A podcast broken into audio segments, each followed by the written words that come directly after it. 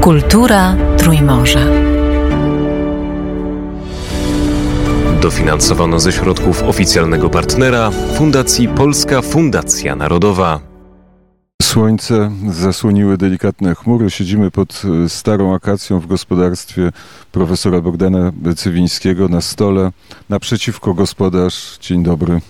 Dzień dobry. E, a na e, stole książka Szańce Kultur, szkice z dziejów narodów Europy Wschodniej. To jest wielkie i ważne dzieło, bo po, po, pierwsze, panie profesorze, czyta się to jak kryminał, czyli czyta się to be, bez, bez przerwy, bez chwili wytchnienia, e, opis dziejów i narodów i kultur.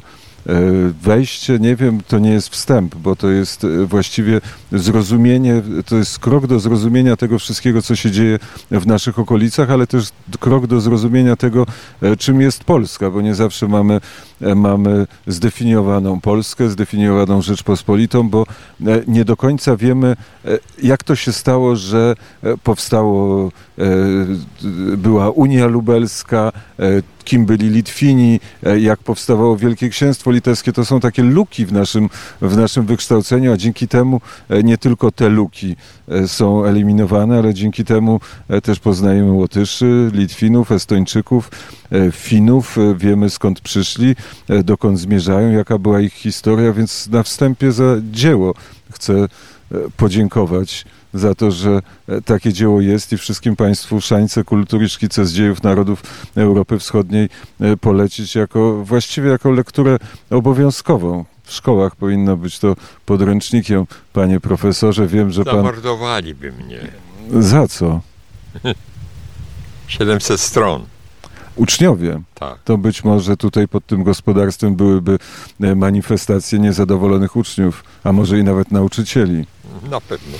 Ale nie będziemy o książce rozmawiać, tylko będziemy rozmawiać o tym, co e, teraz się dzieje, o wojnie na Ukrainie, o kolejnej rosyjskiej, o kolejnej rosyjskiej agresji i o ludach, które reagują na agresję. Tym bardziej, że książka kończy się w 1917 roku. Nie jest, nie dotyka już spraw sowieckich, a tym bardziej tego, co zdarzyło się w ciągu ostatnich paru miesięcy. A to jest dla nas dziś najważniejsze. Ta aktualność. To, co ja tutaj napisałem w tej książce, to jest coś bardzo odległego już w czasie. I nawet nie tylko w czasie, bo także miejscu, w którym wtedy był cały świat i czym był ten świat wtedy, a czym jest dziś. Chociaż książka się kończy w 1917 roku, to jednak jest to wiedza na temat charakterów. Tak? Zaczynamy od Rosji. Rosja, potem był Związek Sowiecki, teraz jest Rosja. I jak patrzymy na Rosję Putina e, i Rosję Piotra I czy Katarzyny, to są te same Rosje. I ci sami ludzie, i te same myśli. To tak, to tak. Rzeczywiście podobieństwo, analogie są ogromne. Są pewne różnice, ale bym powiedział raczej w formie, chociaż i to nie zawsze, a nie w treści. I jest y, świadomość, że tego nie da się zmienić.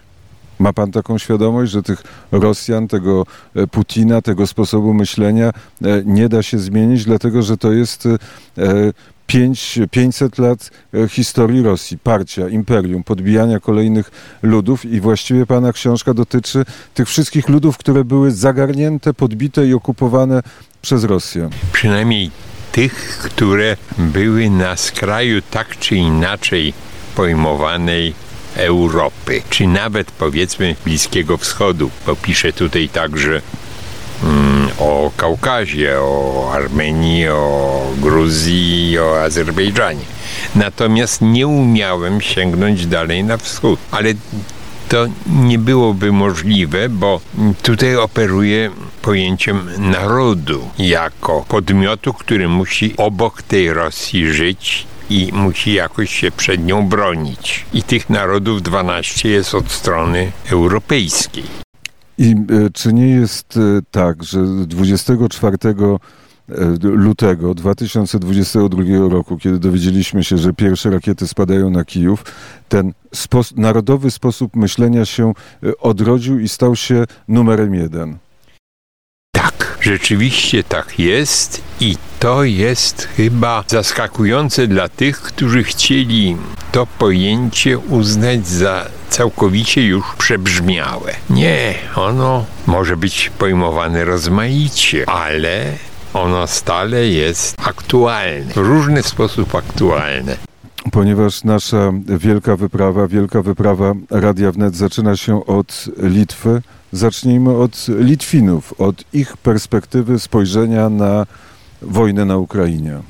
To nie tylko dlatego, że tam akurat się wybieracie, ale i z całkiem obiektywnych powodów warto na Litwę zwrócić uwagę szczególną, bo właśnie oni najaktywniej i najbardziej konsekwentnie występują z protestem wobec tego, co wojska Putina robiły i robią na Ukrainie.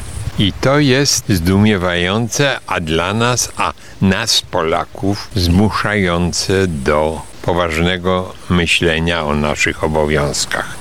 Bo nas jest jednak paręnaście razy więcej niż Litwinów, a my robimy bardzo niby dużo, ale nie kilkanaście razy więcej niż Litwini. Oni są bardziej solidarni, oni są bardziej aktywni, odważniejsi są od nas.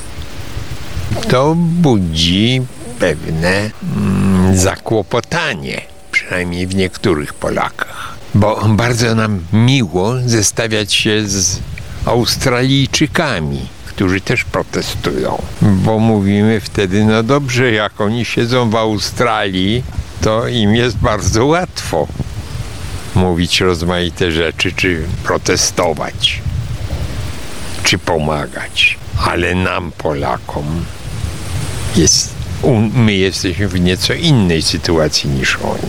To samo myślenie zastosujemy w układzie Polacy i Litwini. Litwini e, dlatego, że są y, odważni, czy dlatego, że się bardziej boją? Boją się bezpośredniej agresji Rosji. W końcu my jesteśmy po tej stronie przesmyku suwalskiego, oni są po tamtej. Przesmyk jest w gruncie rzeczy jeden. Tutaj jestem na właściwie terenie przesmyku i tam też ze 30 km od granicy to też jest przesmyk od polskiej granicy. To jest pas, który ma te kilkadziesiąt kilometrów po obu stronach. Oczywiście, że Putinowi jest w tej chwili łatwiej domagać się od Litwy niż domagać się od Polski. Właśnie z tego względu, że różnica naszych fizycznych, a także i politycznych potencjałów jest znacząca. Ale wiadomo jest, że jeśli konflikt pójdzie ostro, to tutaj Cywińskiemu też nie będzie tak za swobodnie ruszać się. Postawa Litwinów wobec konfliktu wynika tak jak i Polaków, jak i Estończyków, Łotyszy z ich historii. Jaka jest cecha, jaka e, tej historii Litwy, na którą powinniśmy zwrócić uwagę? Litwa spośród trzech państw bałtyckich była tym, które bardzo wcześnie zostały spostrzeżone przez Rosjan jako przeciwnik. Litwa ma dłuższą historię państwowości niż Rosja. Rosja zaczyna się w wieku XIII. Przedtem jest Ruś Kijowska, czyli Ukraina, a nie Rosja. Litwa też w wieku XIII, ale nieco wcześniej, zaczyna już być Wielkim Księstwem. I zaczyna być podmiotem, który blokuje rozwój księstwa moskiewskiego na zachód. Niby Moskwa jest jeszcze wtedy niewielka i jest oddzielona przez księstwo Tweru, przez Smoleńsk i tak dalej, ale mówi się, że z kolei w XIV wieku Giedymin wielki książę litewski. Kolejny uważał, że Ruś cała do Litwy powinna należeć. To jest jego wypowiedź. Tak podobno brzmiała.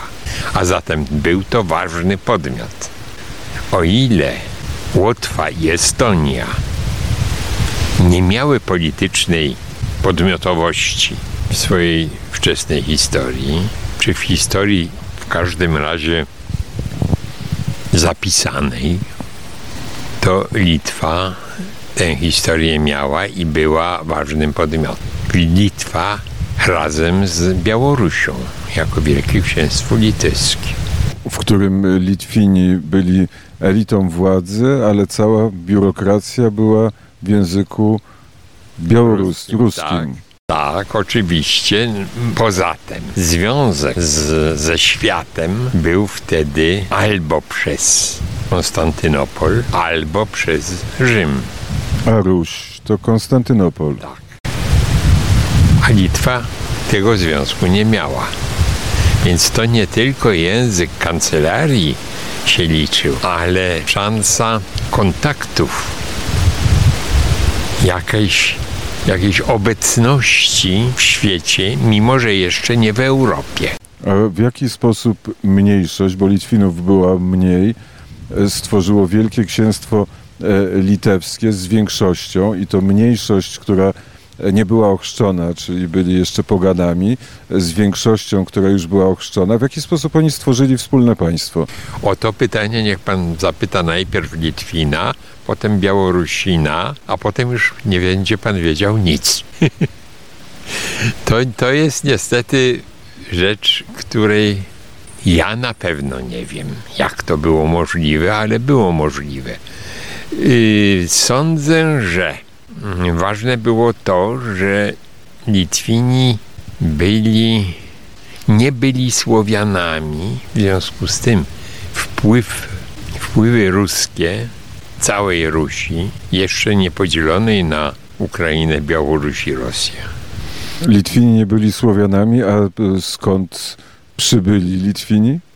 No, chce pan to już tak skomplikować wszystko, że bardziej nie będzie można. A z Rusi przybyli Litwini. Nie mówiąc po rosyjsku, a mówiąc w swoim swojemu. Po swojemu. Oni żyli najpierw na ziemiach, bo wyobraźmy sobie to, bliskich między Smoleńskiem, Twerem, Wielkimi Łukami, Nowogrodem, i w wyniku presji Słowian wschodnich byli spychani stopniowo ku brzegom Bałtyku. Ale gdzieś między powiedzmy, nie wiem, VIII-IX wiekiem a XIII-XIV cały ten teren właśnie Smoleńska, Witebska i dalej na północny wschód i Nowogrodu zmienił swój, swoją ludność, to znaczy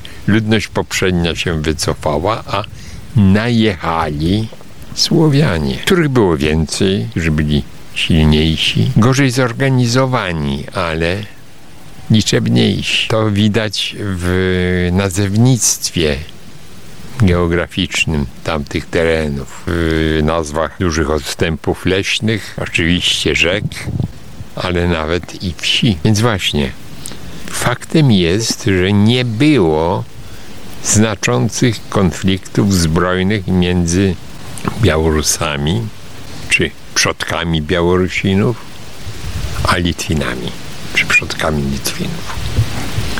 Że tam myślę, że rzeczywiście była w tych narodach różnica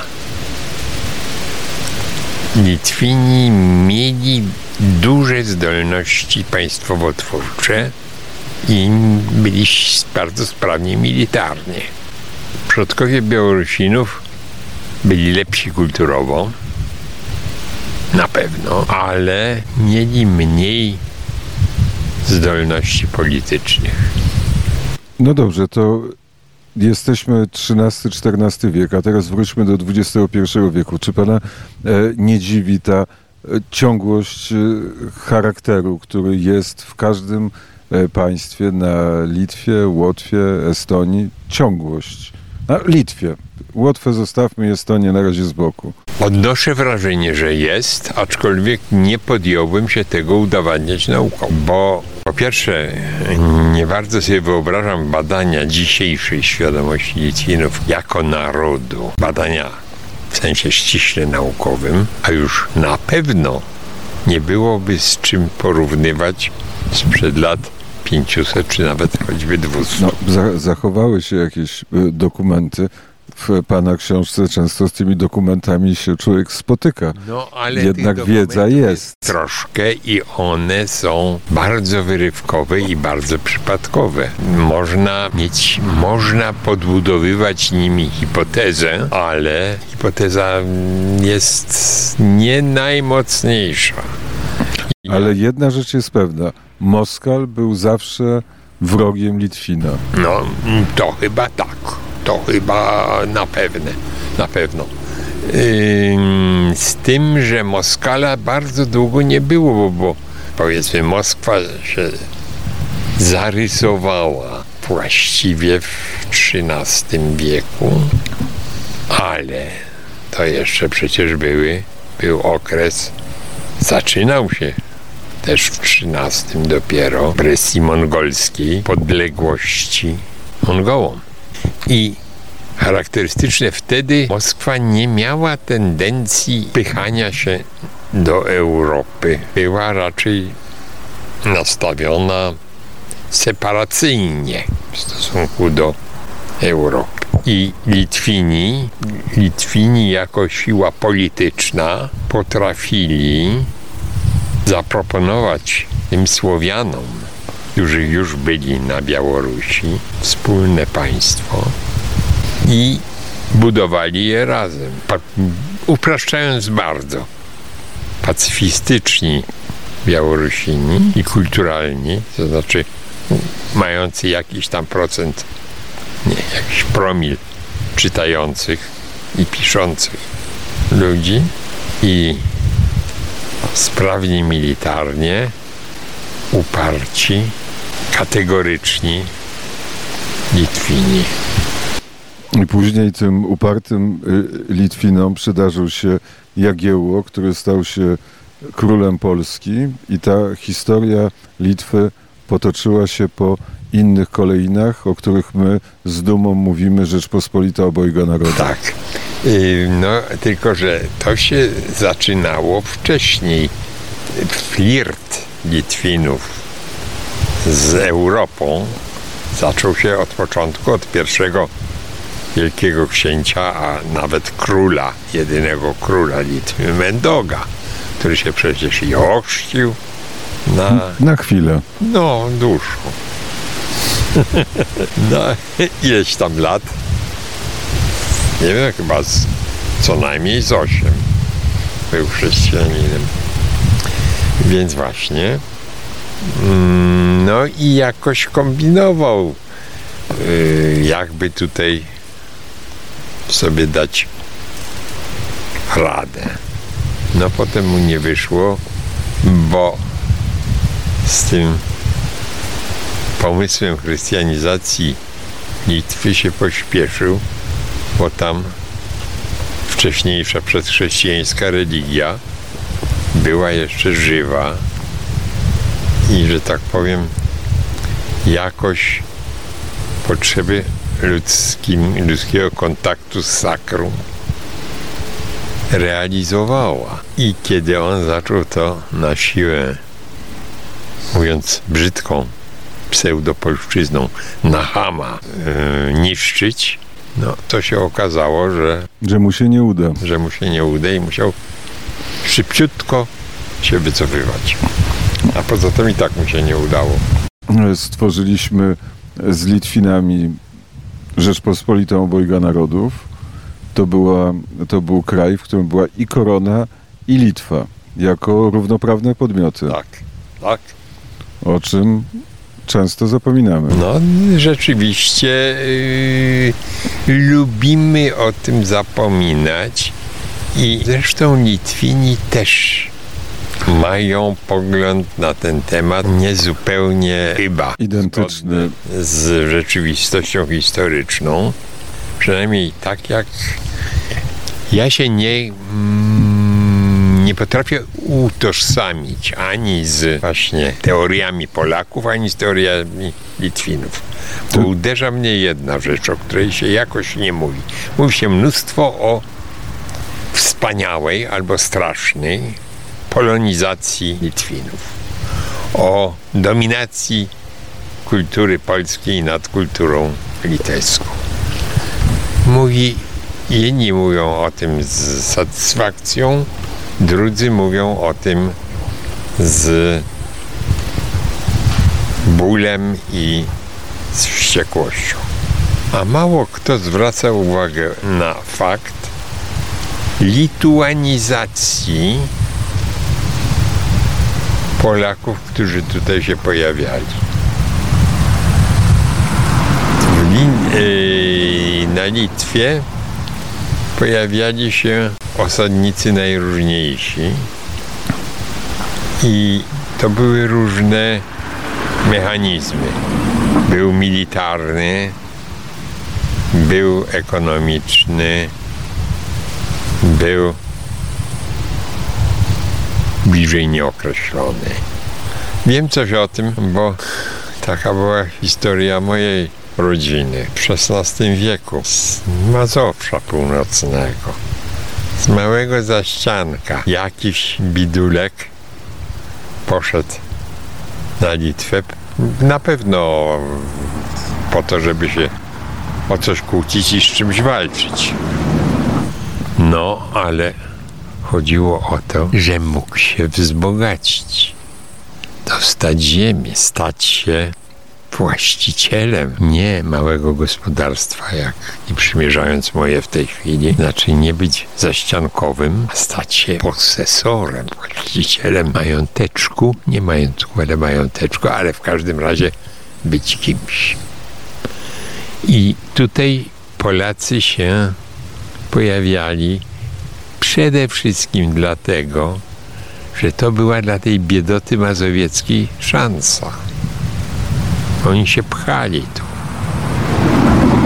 No a pchali się na pewno, skoro w 1500 już chyba 29 roku wyszedł w pierwszym statucie litewskim zakaz mm, przydzielania własności ziemi Polakom. To takich zakazów się nie wydaje bez powodu. Od tego czasu trzeba się było tutaj przede wszystkim wrzenić się można było, albo dostać za jakieś zasługi dla najpierw jeszcze Wielkiego Księstwa Litewskiego, a po 1569, czyli po 30 latach, dla całej Rzeczypospolitej. Ale już wtedy był problem, że tych Polaków jest dużo. No a co po- potem się stało? Potem po trzech, czterech pokoleniach już Polacy tutejsi Nabierali charakteru Wielkiego Księstwa Litewskiego. I inaczej patrzyli. Patrzyli oczywiście na koronę tak jak, nawet jak Piłsudski patrzył na... Oczywiście. A powiedzmy, on był świadomym politykiem i to nie były tylko emocje, ale no właśnie z rodzinnych kontaktów, z rodzinnych wspomnień widzę, jak to było na poziomie takiej sobie bardzo słabiutko wykształconej mm, grupy społecznej, no, niewiel... drobnej szlachty. Niby właściciele majątku, ale drobne towarzystwo do połowy XIX wieku, nie, do 70. lat XIX wieku nikt na żadnej uczelni nie studiował. Więc w tym towarzystwie była dwujęzyczność. Był język polski, ale także litewski. Mój ojciec, który tutaj się do pewnego stopnia hodował na Litwie, bo mieszkał i uczył się w szkołach nad Wołgą, ale na wakacje przyjeżdżał zawsze do dziadków na Litwę, mówił po litewsku. No bo jak ja się miałem nie nauczyć po litewsku, jak wszystkie chłopaki miejscowe, z którymi się biegało, grało w piłkę i tak dalej, to byli Litwini. Przeskoczymy do XIX wieku, bo gdzieś ta apogeum wpływów polskich, trochę e, na Litwie to XIX wiek, to Tak. jest kultura, e, kultura polska, polska Mhm. poezja. e, Mhm. Wszyscy wiemy, Litwo ojczyzno moja. E, Natomiast e, w którym momencie zaczął się e, ten głęboki antagonizm polsko-litewski?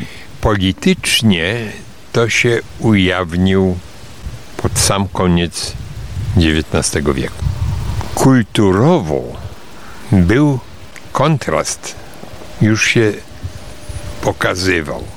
To znaczy, XIX wiek, czego też niektórzy Polacy nie chcą wiedzieć, był wielkim rozwojem literatury litewskiej, litewskojęzycznej.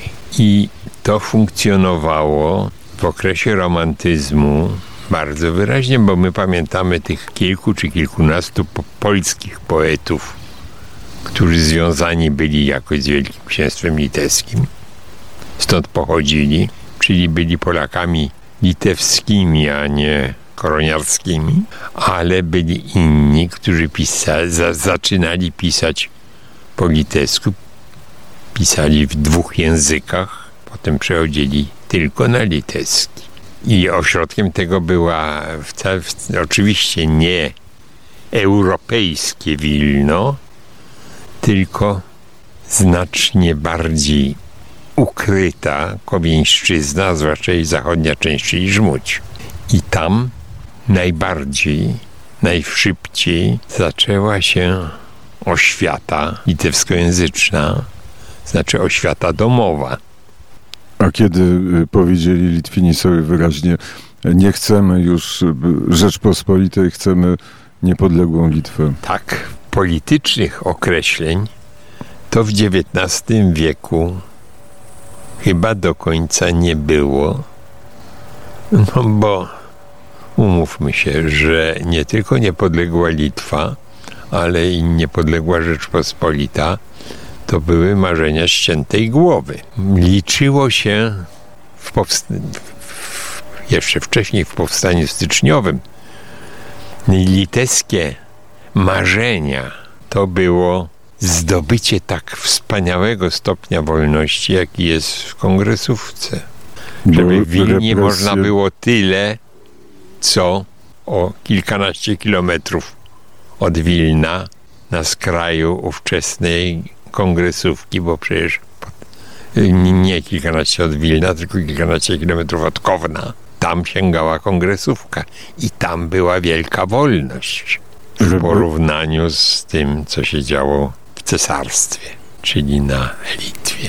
Więc to mm, natomiast kiedy oni, ja bym, jeżeli pytanie o to, czego byśmy chcieli, pojawiło się najpierw wśród Polaków litewskich, a chyba można tak przyjąć, że raczej oni byli bardziej światli politycznie i europejscy i mieli większe szanse niż Litwini, rdzenni i litewskojęzyczni. No to oni swoje pomysły zaczęli polityczne, zaczęli wyrażać na przełomie wieków, ale tak naprawdę 1905 roku, kiedy można było głośno to mówić, kiedy można było zakładać jakieś stowarzyszenia i życie społeczne mogło być legalne. I wtedy, nie wiem czy można tak powiedzieć, ale równolegle pojawił się, e, antyrosyjskość była i pojawił się antypolonizm. Tak, tak. Antypolonizm się pojawił właśnie, czy pojawił, ujawnił się po 1905 roku. I ten, i ten e, antypolonizm właściwie e, przetrwał przez czas e, sowiecki, bo w tym 91 roku, kiedy Litwa odzyskiwała niepodległość, to ta niepodległość miała w sobie ten w, wpisany że, z, e, antypolonizm, który sobie trwał w tej Republice Litewskiej przez długi czas. Ale w tej chwili myślę, że nie wzięliśmy jeszcze pod uwagę e, czynnika bardzo istotnego na początku. to był czynnik funkcjonowania Kościoła. Jedyne miejsce, gdzie publicznie się mówiło nie po rosyjsku. To był Kościół. I tutaj nie można zarzucać Litwinom kościelnego antypolonizmu. To była po prostu chęć pokazania litewskości swojej. Ale jak pokazać litewskość, kiedy w tym kościele prawie wszystko, co się słyszy głośno, to jest po łacinie, a jeżeli nie, to po polsku. I tutaj dobrze się stało, że jednak większość biskupów z końca XIX wieku umiało wprowadzić język litewski na ambonę, język litewski do wszystkich sakramentów, że tam, gdzie nie ma łaciny, to jest i polski, i litewski. Którego więcej, to zależało od parafii do parafii, od tego, gdzie krzykacze mieli lepsze głosy, no i od tego, gdzie proboszcz albo słuchał jednych i drugich krzykaczy, albo sam decydował w sposób autorytarny proboszcz. Proboszcz chciał jedno, a wikary robił drugie. W mm, dokumentacji kościelnej jest mnóstwo przykładów z lat 90.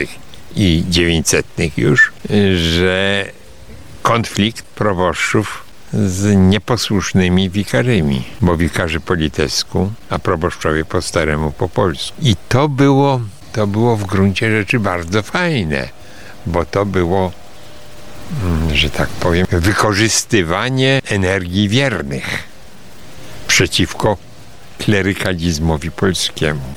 Można to tak nazwać i trudno z tym będzie walczyć.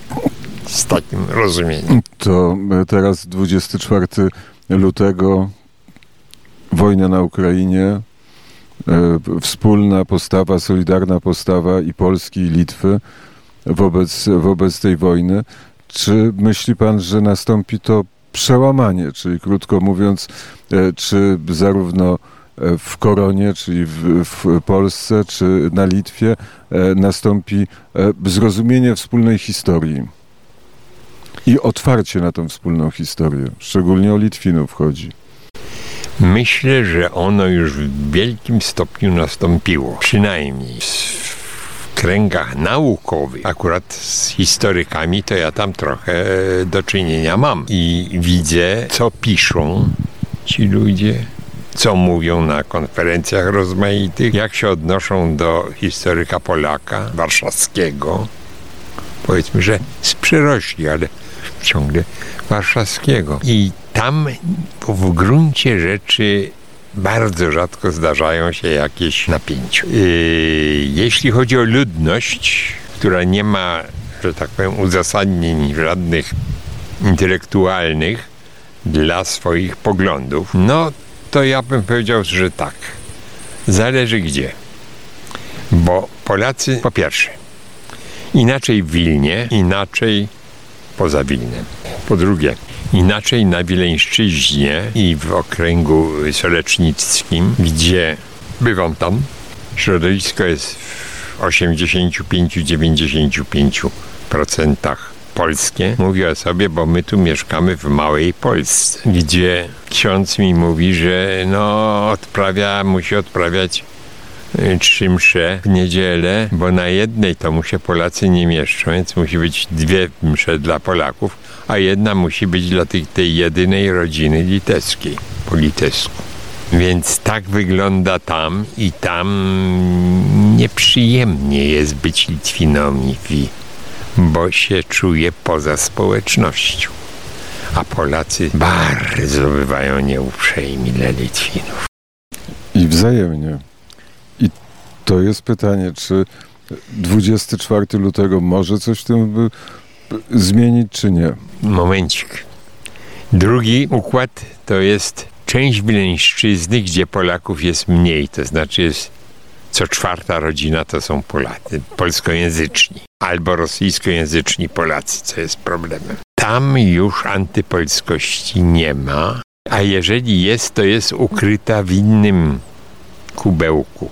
Jest antysłowiańskość.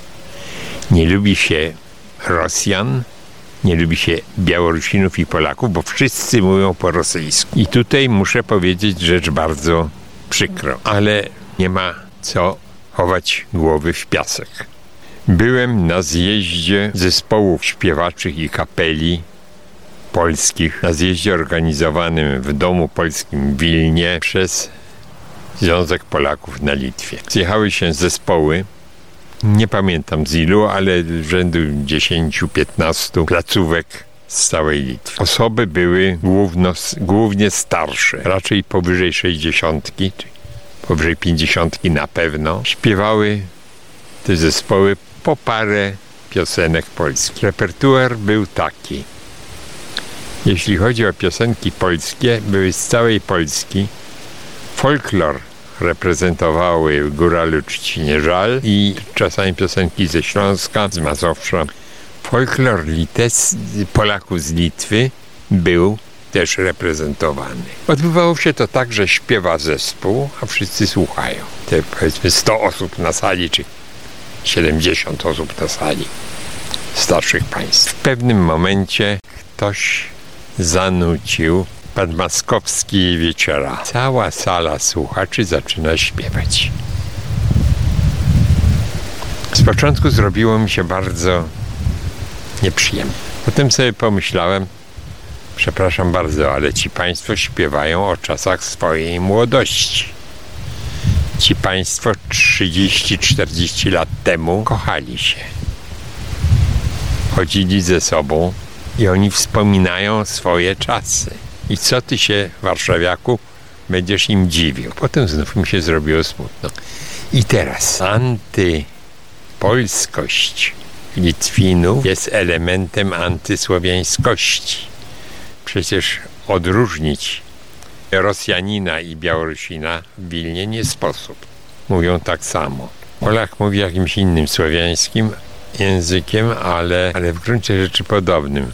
Poza tym zawsze rozumie rosyjski i zawsze jak się nie mogę z nim dogadać, to przechodzę na rosyjski i wtedy już nie ma żadnego problemu. Oni wszyscy ci Słowianie. Ich jest tak strasznie dużo i zawsze tutaj się pęta. No tak, taka rzeczywistość jest i to ja to mm, na własne uszy słyszałem, że tak powiem, na tej sali. Więc dla mnie to nie jest jedna z teorii. Dla słuchacza będzie to jedna z teorii i tyle. Kultura Trójmorza. Dofinansowano ze środków oficjalnego partnera Fundacji Polska Fundacja Narodowa.